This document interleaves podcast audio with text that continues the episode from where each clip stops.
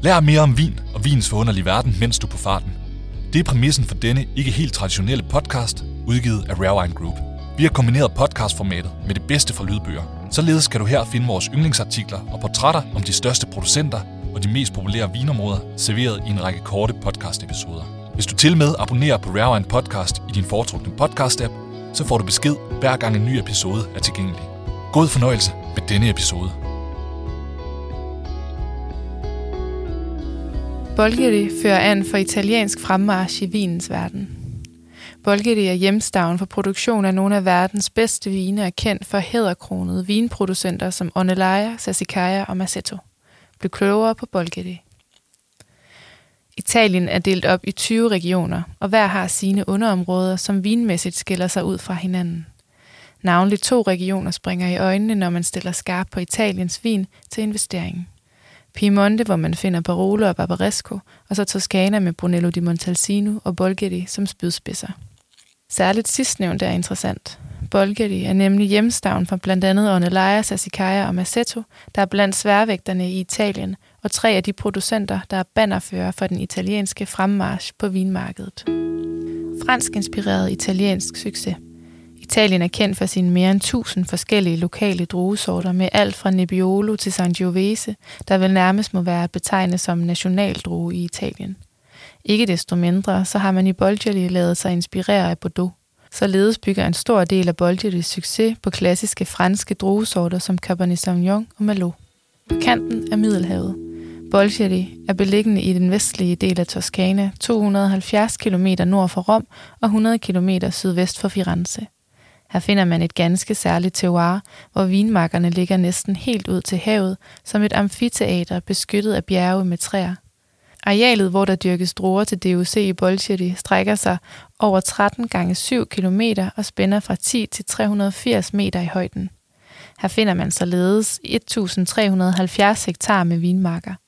Beliggenheden tæt ved havet medfører daglige briser, der bringer kulde til druerne, hvilket er med til at sikre friskheden i vinene. Det blæser godt 250 dage om året på egnen, og det betyder, at eksempelvis skimmelsygdomme har svært ved at få tag i markerne. Med 600 mm regn om året og en stor mængde sol har vi noget, der minder om optimale betingelser for at fremstille stor vin.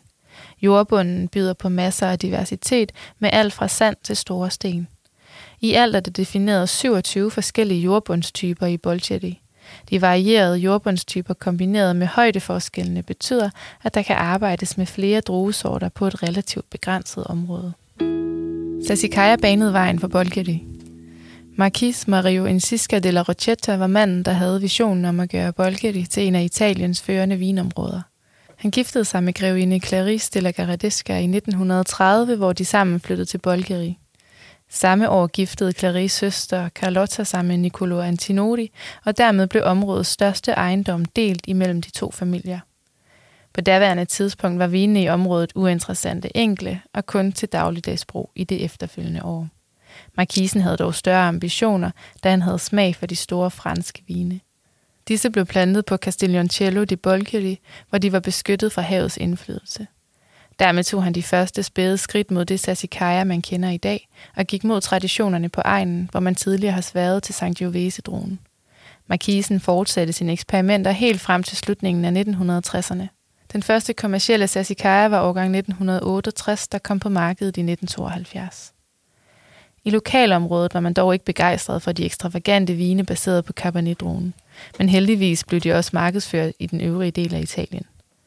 I 1978 sejrede Sassicaia i en stor konkurrence i vinbladet Decanter mod andre vine fremstillet på basis af druer fra Bordeaux. Med sejren i denne smagning begyndte selv de lokale toskanere for øjnene op for Sassicaia.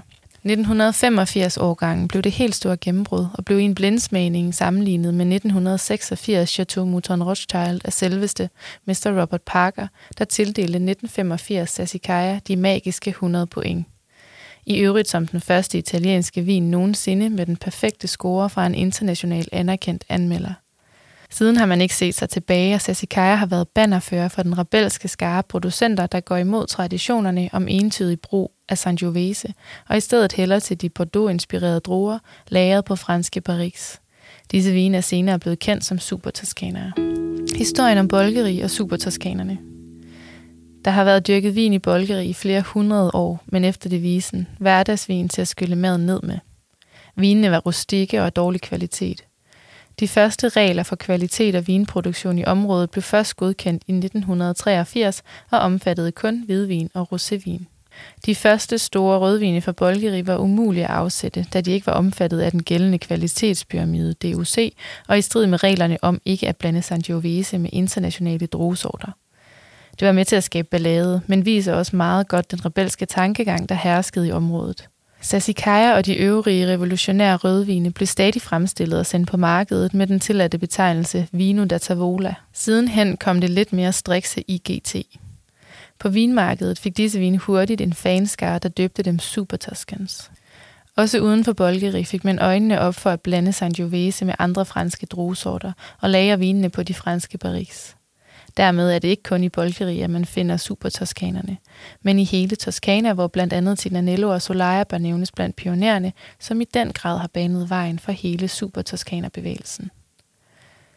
Regelsættet for kvalitet i området er flere gange tilrettet undervejs, og fra 1994 kom de røde vine officielt med i Bolgeri DOC, og til med fik Sassicaia sin egen sub-DOC med et endnu strammere regelsæt tilpasset den helt unikke vin. I 2011 blev reglerne tilpasset endnu en gang, så det nu er muligt at fremstille vine på enkeltdruer inden for DOC-reglementet. Cabernet Sauvignon, Merlot og Cabernet Franc er de tre mest fremtrædende. Herefter følger Sangiovese og Syrah. Derudover er det tilladt at arbejde med op til 30 procent af andre druesorter. Samlet set et åbent og innovativt regelsæt, der giver vinmageren gode rammer for at udfolde sin kreativitet. Nutidens boldgeri. I dag er der 60 producenter i Bolteri, der producerer nogle af Italiens mest efterspurgte vine. Sassicaia står alene med sin egen velfortjente DOC, men de andre topproducenter lader intet tilbage, når man snakker kvalitet. De lokale vinproducenter har i mange år kæmpet mod den konservative udvikling. Stærke kræfter udefra har dog haft stor indflydelse på, at man i dag fremstår som det mest attraktive vinområde i Italien. Fra 1978 og frem kom der stærke kræfter på banen, heriblandt Pier Mario Maletti Cavallari, der grundlagde Podera Gradamacco i 1977, og som i dag er en af de førende producenter. Også Belvedere-ejendommen er i øjnefaldene og blev splittet op af de to Antinori-brødre Lodovico og Piero, som udbyggede hver deres topejendom. Marchese Lodovico Antinori grundlagde en anden supertoskaner, nemlig Onalaya i 1981, mens Piero introducerede Guardo al Tasso. Blandt de lokale bør man også nævne Eugenio Campolmi, der grundlagde Le Macchiole og som stadig den dag i dag er med i toppen af hierarkiet.